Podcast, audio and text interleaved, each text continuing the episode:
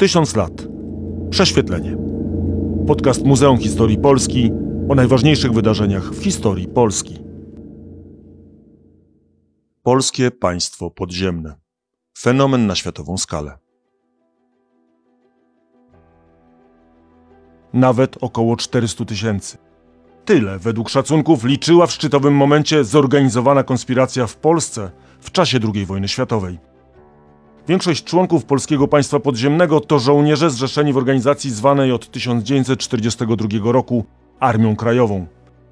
Ale konspiracja to także około 50 tysięcy osób zajmujących się podziemną działalnością cywilną.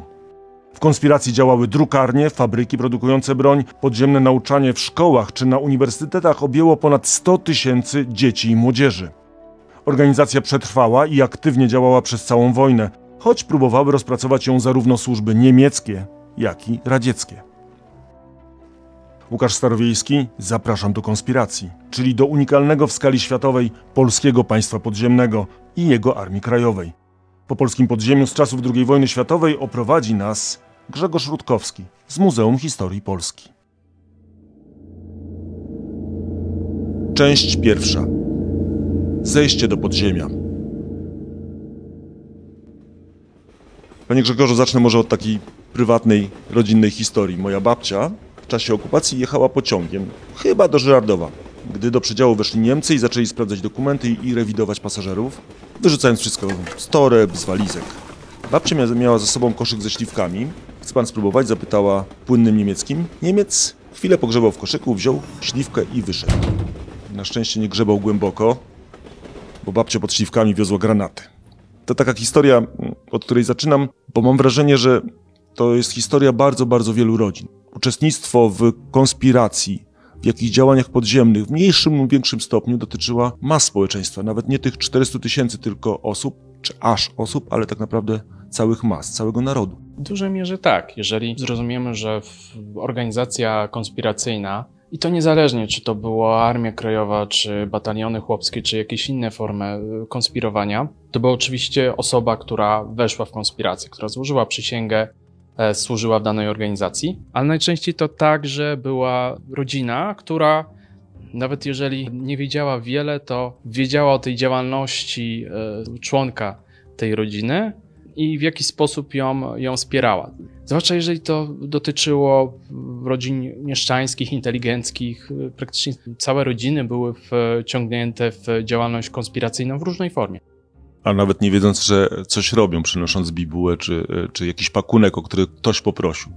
Najczęściej nie wiedzą właśnie, co przenoszą, natomiast y, znając mniej więcej y, informację, że ten pakunek z jednego lokalu ma być dostarczony pod taki adres, tak? A czy to były części do radiostacji, czy to były amerykańskie dolary rzutowe, czy jakaś inna forma związana, właściwie materiały obciążające, no i grążące, w wypadku Warszawy co najmniej, rewizją, trafieniem na Aleję Szucha, Pawiak, a później rozstrzelanie albo, albo zesłanie do, do obozu koncentracyjnego. Czy możemy powiedzieć w takim razie, tak szeroko patrząc na tą, na tą konspirację, to, czy to podziemie, czy działalność konspiracyjną, ile osób mogło uczestniczyć, ilu Polaków mogło uczestniczyć w takiej konspiracji? To jest pytanie bardzo trudne. To próbowało na nie odpowiedzieć i nadal próbuje wielu historyków. Mamy właściwie dane szacunkowe. No, przyjmuje się, że to jest między 350 a 380, 390 tysięcy ludzi zaangażowanych w Armię Krajową. Mamy kilkadziesiąt, kolejnych kilkadziesiąt tysięcy osób zaangażowanych w bataliony y, chłopskie, które też do pewnego stopnia stanowią część Armii Krajowej. Mamy jeszcze NSZ, Tu mamy jeszcze przecież y, też y, komunistów z Armii Ludowej, też znaczącą siłę. No i mamy te dane globalne z y, początku 1944 roku. Też no, z punktu widzenia Armii Krajowej nie było istotne, ile ona ma dokładnie członków, tylko ile ma sprawnych plutonów. Więc liczyła po prostu, ile ma plutonów bojowych. Więc mamy sytuację taką, że te szacunki oscylują w granicach 8 tysięcy plutonów, z czego 6 tysięcy to są te plutony już w pełni ukompletowane i na tej podstawie właśnie szacujemy, że mogłoby być to 350, 380, 390 tysięcy ludzi. Ile było to w praktyce? Nie wiemy dokładnie i pewnie się nie dowiemy. Tym była Armia Krajowa, e, zakonspirowanym wojskiem, które w momencie korzystnego obrotu sprawy dla, dla Polski. Miało tak wzorem z 1918 roku powstać i bardzo szybko w ramach e, odtwarzania sił zbrojnych e, no, wystawić bataliony, pułki, e, dywizje i po prostu maksymalnie skrócić, skrócić czas odtworzenia e, sił zbrojnych w kraju. A pamiętajmy, że to był wczesny etap wojny, ale zakładano, że jeżeli dojdzie do jakiegoś rozejmu czy zawieszenia broni, właśnie możliwość posiadania sił zbrojnych, odtworzenia tych sił zbrojnych da mm, potencjał polityczny, który przełoży się na to, że, że polskie państwo będzie mogło osiągnąć jakieś, jakieś profity polityczne. No, głównym celem tak naprawdę na początku było przygotowanie do powstania. Odtworzenia sił zbrojnych w tym wypadku, no to jeżeli byłoby dobry układ, a jeżeli nie, no to to, to powstanie głównie przeciw Niemcom. Właściwie od początku, nawet i od początku do końca. Mówimy o akcji Burza, ale de facto akcja Burza jest y, takim planem awaryjnym w sytuacji, kiedy koncepcja powstania powszechnego, która rodzi się w, w po, początkowym etapie, etapie wojny i dojrzewa y, w umysłach y, polskich wojskowych na obczyźnie y, i, i w kraju, ma być zrealizowana. Akcja Burza jest y, właściwie substytutem działań bojowych w sytuacji, kiedy y, no nie ma możliwości, aby, aby wsparcie Zachodu było aż tak e, daleko idące. No i też wiadomo, że front przetoczy się przez y, tereny, tereny polskie. Mamy zejść do podziemia, to zejdźmy, bo to jest też unikatowe absolutnie jest to, jak szybko, jak masowo powstała organizacja podziemna. Ta organizacja podziemna powstała jeszcze praktycznie, zaczęła powstawać jeszcze praktycznie w trakcie kampanii wrześniowej. Tak, mamy sytuację taką, że są ostatnie akordy walk o Warszawę przed kapitulacją, no i mamy generała Karaszewicza Tokarzewskiego, który jest e, wówczas wyznaczony jako wojskowy, który ma zajmować się dywersją przyfrontową po przejściu, e, po przejściu frontu. Wiemy, że to ze względu na dramatyczne okoliczności, nagłość klęski w 1939 roku n- nie ma miejsca. Natomiast zawiązuje się struktura konspiracyjna, co ważne, to jest w Warszawie, ale w tym samym czasie już na obczyźnie jest plan wysłania właśnie delegata, który ma zrobić to samo, zawiązać tą konspirację. Więc widać, że to są szerokie kręgi e, polskich elit politycznych i wojskowych, które mają świadomość tego, że funkcjonowanie przynajmniej sił zbrojnych, a później w efekcie także tajnej administracji przełoży się na powstanie polskiego państwa podziemnego, jest potrzebna i korzystna dla sprawy polskiej w tych dramatycznych, w dramatycznym momencie. I niesamowite jest to, że tak naprawdę te struktury październik, listopad to już zaczynają działać. To znaczy to już jest, to już jest szeroka struktura, obejmująca może jeszcze nie cały kraj, ale bardzo duże jego części. I właściwie od zera, bo tak naprawdę zejście do podziemia to jest... No, nikt się na to nie przygotowywał przed wojną, żeby coś takiego robić. Przygotowywał się do pewnego stopnia nasz, e, nasz wywiad, natomiast no, nie, z pewnością nie miało to być działania tak szeroko e, zakrojone i też działa, działające w sposób tak z, głęboko zakonspirowane. W krótkim czasie główne, e, główne centra e, polskie, tak, Kraków, Warszawa, Wilno, tam bardzo szybko zadzierzgnięte są e, struktury konspiracyjne i co jest ważne dla ogólnie dla polskiej konspiracji, pomimo że to jest ruch tak szeroki, zrzeszający tyle stronnictw, e, ugrupowań politycznych i frakcji, jest to ruch, na ile to możliwe oczywiście, zgodny, także w przeważającej części uznający władzę na obczyźnie. To jest właśnie niesamowite dla mnie. Polacy, którzy zawsze się kłócą, gdzie dwóch Polaków tam trzy zdania, w tej sytuacji właściwie no, przeważającej większości zgodzili się i współpracowali razem. Wsparcie rządu na obczyźnie dawało siłę ugrupowaniom wewnątrz y, kraju, w jakichś kontaktach z innymi organizacjami konspiracyjnymi. Zarazem fakt, że władze polskie na obczyźnie miały stuprocentowe poparcie kraju i właściwie jakieś decyzje podjęte przez władze na obczyźnie było w kraju realizowane. To dawało ogromną, ogromną siłę Jak, jak to wyglądało i kiedy możemy powiedzieć o państwie podziemnym? No nie będzie jednej daty powstania polskiego państwa podziemnego, bo, bo o ile możemy powiedzieć o powstaniu, no to mamy ten 27 września, jest ten moment y, jednostkowy powstania zalążków konspiracji wojskowej. Mamy też moment, y, to jest w kwietniu 40 roku, kiedy decyzją y, Komitetu do Spraw Kraju zadzierzgnięta ma być ta cywilna odnoga polskiego państwa podziemnego, tak? Mają być delegaci rządu, rządu na kraj. Natomiast to nie jest jeden, jeden moment. Natomiast jaki to jest y, moment, to nie jest oczywiście zdarzenie jednostkowe. To jest, gdy obok struktur wojskowych powstają struktury cywilne. I to jest który rok? Od połowy, powiedzmy, 40 roku, no już w takiej pełnej formie, to, to jest y, moment, kiedy delegatem rządu na kraj jest Cyryl y, Ratajski, to już wtedy jest taka okrzepła struktura, czyli ten 41 do 42 roku, to jest okrzepła struktura. Czy to określenie polskie państwo podziemne, raczej powojenne niż tak naprawdę e, współczesne naszym bohaterom, o którym rozmawiamy, jest zasadne? Czy to jest takie trochę hasło, chwytliwe hasło propagandowe? Mamy sytuację taką, że to jest y, ewenement, że powstają duże, dobrze zorganizowane struktury wojska i do rozbudowany, sprawnie działający, funkcjonujący aparat administracyjny, oczywiście zakonspirowany tajną. On nie działa tak jak obecnie działają urzędy, ale spełnia te funkcje państwa, które posiada pion sądownictwa, która posiada pion administracji, które jest zarządzane w jakiś planowy sposób, posiada swój budżet. No, Dość powiedzieć, że w, delegaturze rządu na kraj zajmowano się takimi kwestiami jak chociażby kształt ekonomiczny poszczególnych gałęzi przemysłu po wojnie. Wiele lat przed akcją Burza polscy wojskowi analizują, jak będzie wyglądało, jak może wyglądać polskie wojsko po wojnie, aby była to organizacja skuteczna, nowoczesna, dobrze działająca. To pokazuje, jak daleko wzroczna była to, to działalność. Ona się nie, nie ziściła. Koncepcja powstania powszechnego się nie ziściła. Przegrała z wielką polityką i sytuacją militarną. Dokładnie. Y, Akcja Burza też nie, nie ziściła się w pełni tak według zamierzeń, no ale to nie oznacza, że nie mieliśmy do czynienia z, z czymś, co było e, wyjątkowe, no i z czego możemy być dumni. To jeszcze krótko powiedzmy, jaka wyglądała struktura tego polskiego państwa podziemnego. Z jednej strony jest pion wojskowy, który jest tworzony na kilku płaszczyznach, bo mamy Warszawę z komendą główną, to sama z siebie, Armii Krajowej, to jest sama z siebie gigantyczna struktura, która w 1944 roku przed powstaniem warszawskim rzesza 4000 ludzi. Sama komenda główna, funkcjonująca głównie w Warszawie, która jest podzielona na oddziały, y, referaty. Mam strukturę terenową poza komendą główną. To są okręgi obejmujące województwa niżej inspektoraty y, łączące kilka obwodów, a obwód jest y, odpowiednikiem przedwojennego powiatu.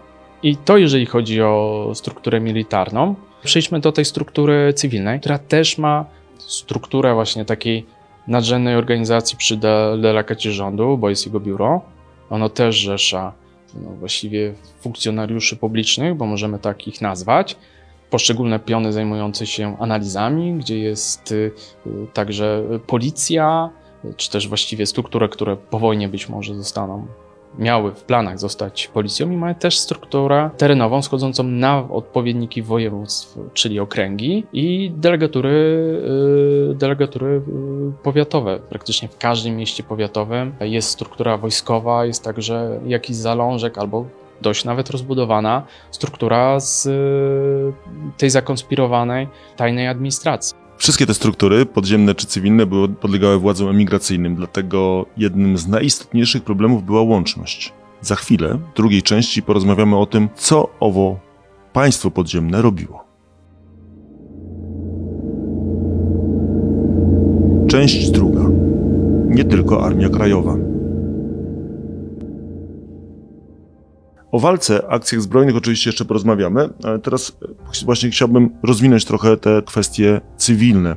Skoro już powiedzieliśmy o łączności, o tym, że, że, że w jakiś sposób trzeba było się łączyć z tymi władzami emigracyjnymi, to, to zapytam o to, jak, jak to działało, bo to właściwie działało od samego początku. Na samym początku najbardziej takim prostym, oczywistym formą łączności to była łączność przez e, emisariuszy i kurierów. Kurierzy mieli jedną wadę. Ta, ta komunikacja trwała bardzo długo, więc trzeba było stworzyć inny rodzaj łączności. Przechodzimy tutaj, tu właśnie wypływa na scenę y, łódź podwodna. Centrum łączności tak naprawdę, które będzie można zobaczyć na wystawie stałej Muzeum Historii Polski. Rekonstrukcje wyglądu właściwie można powiedzieć ze stanu obecnego, ponieważ wygląd z okresu konspiracji e, niestety się nie zachował. Od początku starano się także polskie podziemie i władze migracyjne starały się nawiązać łączność radiową. To wiele rzeczy znacznie upraszczało. Na początku dużym utrudnieniem były kwestie techniczne, ponieważ e, trzeba było znaleźć dobre miejsce do funkcjonowania radiostacji, no najlepiej takiej radiostacji agencyjnej, jakby się udało, czyli o w miarę dużej mocy. Tutaj, jeżeli chodzi o te działania, mamy właśnie Jury Bosch i willę na, na ulicy Fortecznej, po sąsiedzku w stosunku do siedziby Muzeum Historii Polski. I tam, być może nawet w 1939 roku, pojawiają się plany, aby stworzyć tam skrytkę na radiostację, która jest y, de facto podziemnym bunkrem, głęboko zakonspirowanym, wykopanym pod istniejącym budynkiem, wybetonowanym i obszalowanym. To kontekst będzie ważny. Już w latach 40., a właściwie w latach 30., nie było skutecznej możliwości ukrycia działającej radiostacji. Więc chodziło o to, żeby nadawać w miarę możliwości krótko, albo w sposób jak najlepiej zamaskowany. No i tutaj dzięki rodzinie Rodowiczów, a dokładniej z Stanisławowi Rodowiczowi, został zrealizowany, zakonspirowany właśnie podziemna radiostacja, właściwie miejsce nadawania radiostacji. Może ja zacytuję wspomnienia Władysława, czyli brata Stanisława, jak, e, jak się wchodziło do tego bunkru i dlaczego nazywa to się Łódź Podwodna. Nazywano je tak głównie ze względu na sposób zamaskowania wejścia oraz wąski, długi kształt podziemia. Ostatni stopień schodów do piwnicy był wysuwany tak zmyślnie, że nikomu nie mogło przyjść na myśl możliwość jego wyjęcia. Jeśli jednak ktoś by to zrobił, to pod stopniem we wgłębieniu betonu znajdował rurę z kranem, z którego po odkręceniu kurka leciała woda. Wtajemniczeni wiedzieli, że należy cały kran wraz z rurą złamać w nasadzie, co zwalniało zatrzask. Całą podłogę w tym miejscu należało wówczas przesunąć do siebie ukazywał się otwór, przez który można było wsunąć się po drabince i zejść do podziemia, właśnie do łodzi podwodnej. Wokół łodzi podwodnej jest, jest masa historii. Była to konstrukcja bardzo ciekawa, także od strony takiej czysto, czysto technicznej, nie tylko z samego bunkra, ale także wyprowadzenie chociażby anten. Z jednej strony antena była wyprowadzona po kominie, z drugiej strony po ogrodzeniu, więc w taki sposób, żeby nadająca radiostacja e, myliły i utrudniały lokalizację, mm, zlokalizowanie jej przez Niemców. Niemcy nigdy jej nie zlokalizowali. Tak, a właściwie nawet wielokrotnie znajdując się tam w rejonie, nawet w czasie rewizji, bo rewidowano też ten budynek, nie byli w stanie znaleźć ludzi, którzy ukrywali się w, w obrębie budynku. Po Warszawie oraz także po innych miejscowościach generalnego gubernatorstwa jeździły ciężarówki, a także były samoloty przystosowane z aparaturą radiolokacyjną i w momencie, kiedy namierzono grającą radiostację, odbywała się obława. No, Niemcy przebierali się za, za pracowników cywilnych, e, więc to była taka gra w kotkę i myszkę, żeby złapać grającą radiostację najlepiej w momencie, kiedy ona jeszcze nadaje, żeby złapać klucz.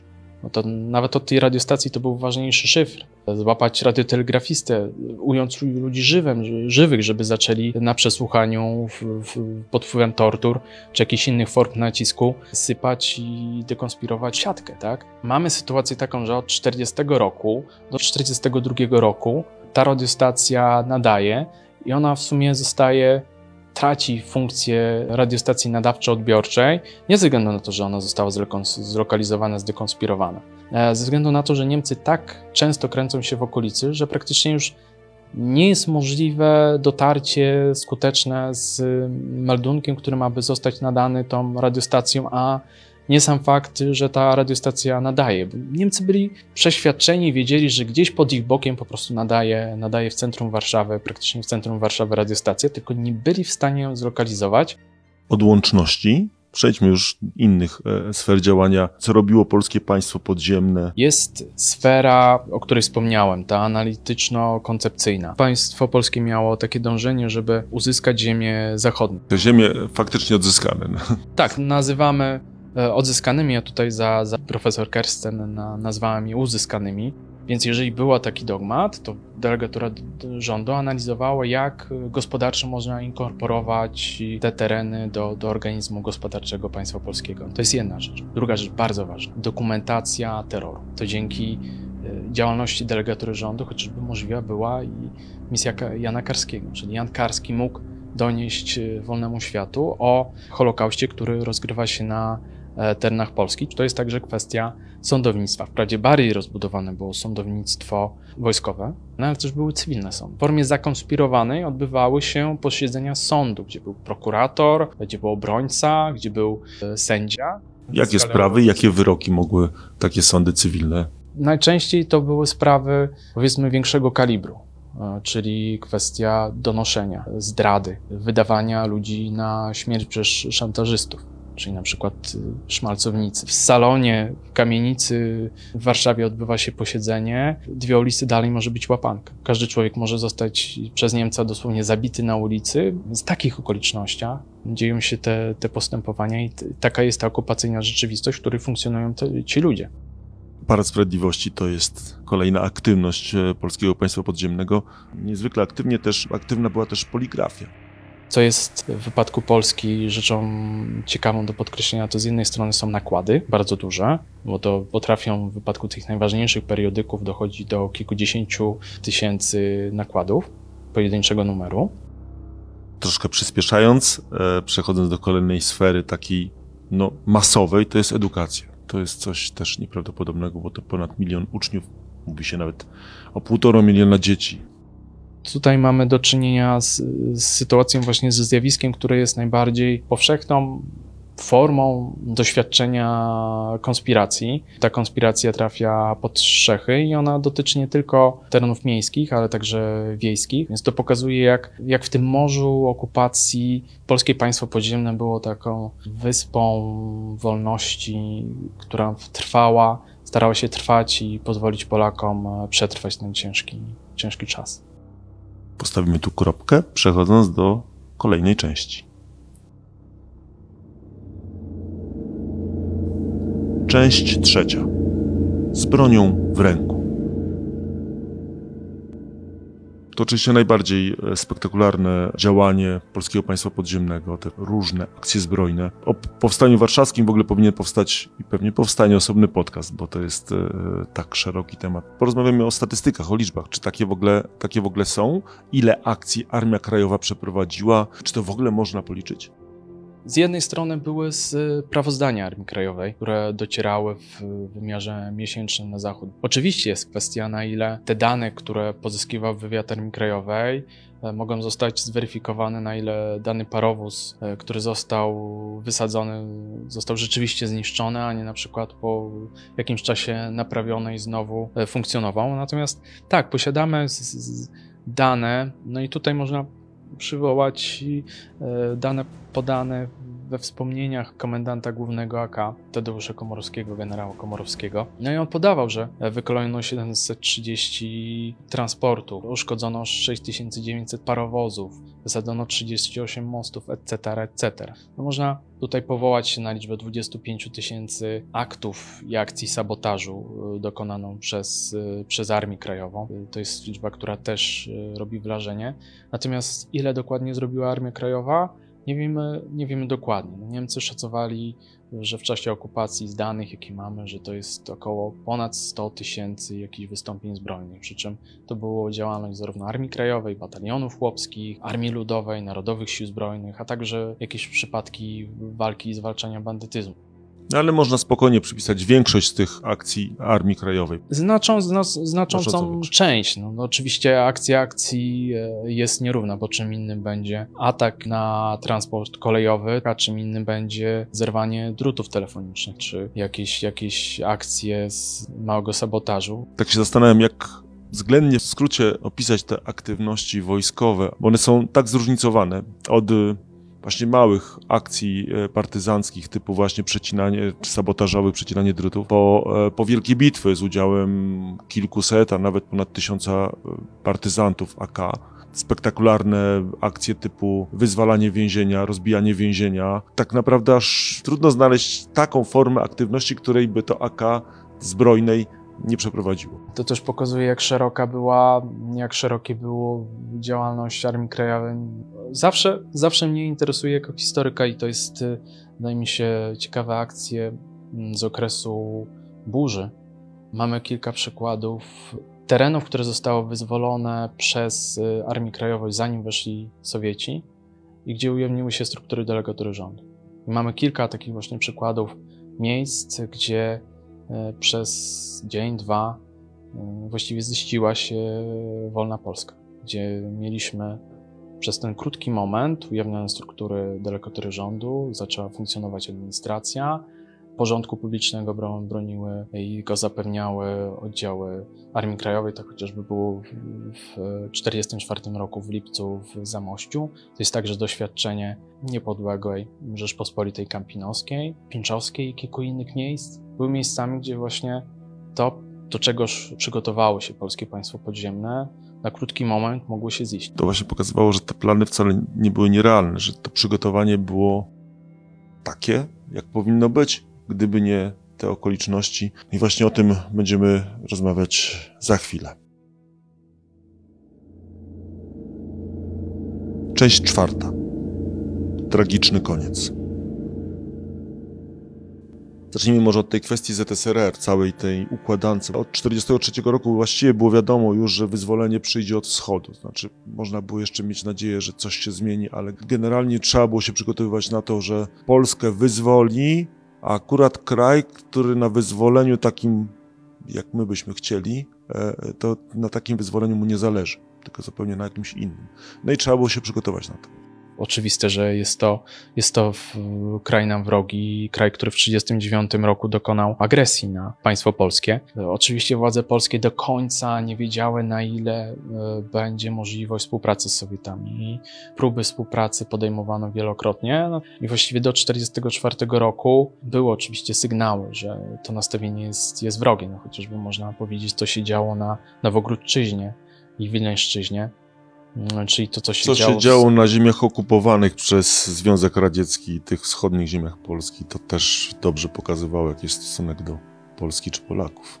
Tak, w realiach, ale to było jeszcze w realiach e, e, momentu, kiedy Związek Sowiecki był sojusznikiem III Rzeszy. Natomiast po 1941 roku to był sojusznik Polski, przynajmniej oficjalnie, a po wycofaniu uznania rządu, legalnego rządu RP przez, przez Sowietów i tworzeniu jakichś w to miejsce substytutu no, przyszłych władz, tak? Związek Patriotów Polskich. Więc y, jeżeli w 1943 roku mamy sytuację taką, że partyzantka sowiecka dopuszcza się akcji przeciwko partyzantce polskiej, niesprowokowana, internuje polskich e, oficerów, dowódców oddziałów partyzanckich, ona potrafi zaatakować. Wiemy z odtajnionych dokumentów, że już w 1943 roku Sowieci, jeszcze na terenach okupowanych przez Niemców, ta sowiecka partyzantka traktuje e, Armię Krajową i mają traktować jako, jako wroga. To w sposób dobitny ukazało się w roku 44. Mamy Wilno, mamy Lwów, gdzie najpierw e, w obu tych przypadkach e, żołnierze Armii Krajowej ręka w rękę z żołnierzami Armii Czer- Czerwonej wyzwalają miasto. To ułatwia Sowietom zdobycie jednego i drugiego miasta, natomiast chwilę potem żołnierze Armii Krajowej są e, internowani. I to też do Komendy Głównej w Warszawie dociera informacja, że oni są aresztowani. No Nie wiadomo, gdzie oficerowie, z, z którymi była łączność, nagle ta łączność się urywa, docierają jakieś meldunki, strzępy informacji. Założenie akcji Burza to była manifestacja polskości e, terenów, no najważniejszych tych terenów spornych żeby w razie czego, w razie jakiejś konferencji pokojowej, do której nie doszło w II wojnie światowej, ale mogliśmy założyć, że do takiej konferencji dojdzie, e, żeby ta sprawa polska no przynajmniej stanęła jako temat dyskusji między mocarstwami. W którymś momencie okazało się, że koszty tego typu działań są jednak zbyt duże po Lwowie i, i, i Wilnie. I tak naprawdę akcja Burza jeszcze właściwie odbyła się w Warszawie, dalej już nie. Zasięg akcji Burza jest, jest szerszy, bo poszczególne okręgi wchodzą w, akcję Burza od, od stycznia 1944 roku. Powstanie warszawskie, właściwie koniec tego powstania warszawskiego stanowi ważną cenzurę, ponieważ to jest okres y, załamania e, morale w strukturach e, Armii Krajowej. Oczywiście można trwać w oporze, natomiast jest pytanie, jak funkcjonować, jaki jest model funkcjonowania. Y, Przebieg wojny był taki, że w sumie nie było dobrego rozwiązania. Armia Krajowa była traktowana przez Sowietów y, jako wróg na równi y, z Niemcami. No i to też jest kwestia taka, że z jednej strony tych hakowców prześladowano internowano, a zarazem w strukturach pierwszej i drugiej armii Wojska Polskiego, czyli tych tworzonych przez e, Polskę Lubelską, e, akowscy stanowili dość znaczną, znaczną część żołnierzy. Często siłą wcielani zresztą. Tak, siłą wcielani albo właśnie uciekający przed aresztowaniem sowieckim. To była to już w późniejszym okresie, w późniejszym okresie to właśnie służba wojskowa albo udanie się na Śląsk do kopalni było na jedną z dobrych takich sposobów, żeby swój życiorys okresu okupacji w jakiś sposób przykryć i uratować się przed, e, przed działalnością sowiecką. Jesień 1944 roku to jest okres bardzo ciężki dla oddziałów Armii Krajowej, ponieważ mamy sytuację taką, struktury komendy głównej e, zostają e, rozproszone, rozbite w wyniku powstania warszawskiego. W wielu okręgach e, znajdują się tysiące ludzi w oddziałach partyzanckich, a nadchodzi zima. Tym bardziej, że pozbawieni motywacji i nadziei. Jeszcze wówczas y, władze w Londynie, legalne władze nadal są uznawane jako reprezentacje państwa polskiego, natomiast już mniej więcej w tym okresie e, wiadomo, jakie są postanowienia konferencji teherańskiej. Natomiast mamy 19 stycznia i ten rozkaz rozwiązania zwolnienia z przysięgi żołnierzy Zacytuję. Dalszą swą pracę i działalność prowadźcie w duchu odzyskania pełnej niepodległości państwa i ochrony ludności polskiej przed zagładą, przewodnikami narodu i realizatorami niepodległego państwa polskiego. W tym działaniu każdy z Was musi być dla siebie dowódcą. W przekonaniu, że rozkaz ten spełnicie, że zostaniecie na zawsze wierni tylko Polsce oraz by Wam ułatwić dalszą pracę, z upoważnienia Pana Prezydenta Rzeczpospolitej Polskiej zwalniam Was z przysięgi i rozwiązuję szeregi AK. Leopold Okulicki. To był jego ostatni rozkaz. Tutaj jeszcze jako, jako epilog mamy sytuację taką, że chwilę później z Leopold Okulicki jest jednym z 16 przywódców e, polskiego państwa podziemnego, zwabionym na pertraktację ze stroną sowiecką, potajemnie aresztowanym i sądzonym w Moskwie w pokazowym procesie za współpracę z Niemcami. No ale los polskiego państwa podziemnego niestety był już wtedy absolutnie przesądzony i tak naprawdę zaczęła się gehenna tych, którzy, którzy zostali. Przykład generała Fildorfa Nila, który po powrocie ze Związku Sowieckiego nie angażował się w konspirację. Jak wiemy, został zamordowany właściwie za sam fakt, że był tak ważną postacią w strukturach e, konspiracyjnych w trakcie okupacji. Ile osób zostało akowców czy z polskiego państwa podziemnego zostało skazanych na śmierć? Ile musiało odcierpieć więzienie długoletnie? Więc y, to były e, dziesiątki tysięcy ludzi, pomijając oczywiście ludzi, którzy zostali y, zamordowani, są ofiarami terroru stalinowskiego. Natomiast ci, którzy znaleźli się w obozach internowania, zostali wywiezioni do, do ZSRR i de facto w łagrach e, powrócili do Polski w e, 50. latach. E, To są dziesiątki tysięcy ludzi. Dziękuję bardzo. Tyle jeśli chodzi o rozmowę o polskim państwie podziemnym, o jego wielkości, niezwykłości i tragicznej historii. Naszym gościem był Grzegorz Rutkowski z Muzeum Historii Polski. Tysiąc lat. Prześwietlenie. Podcast Muzeum Historii Polski o najważniejszych wydarzeniach w historii Polski.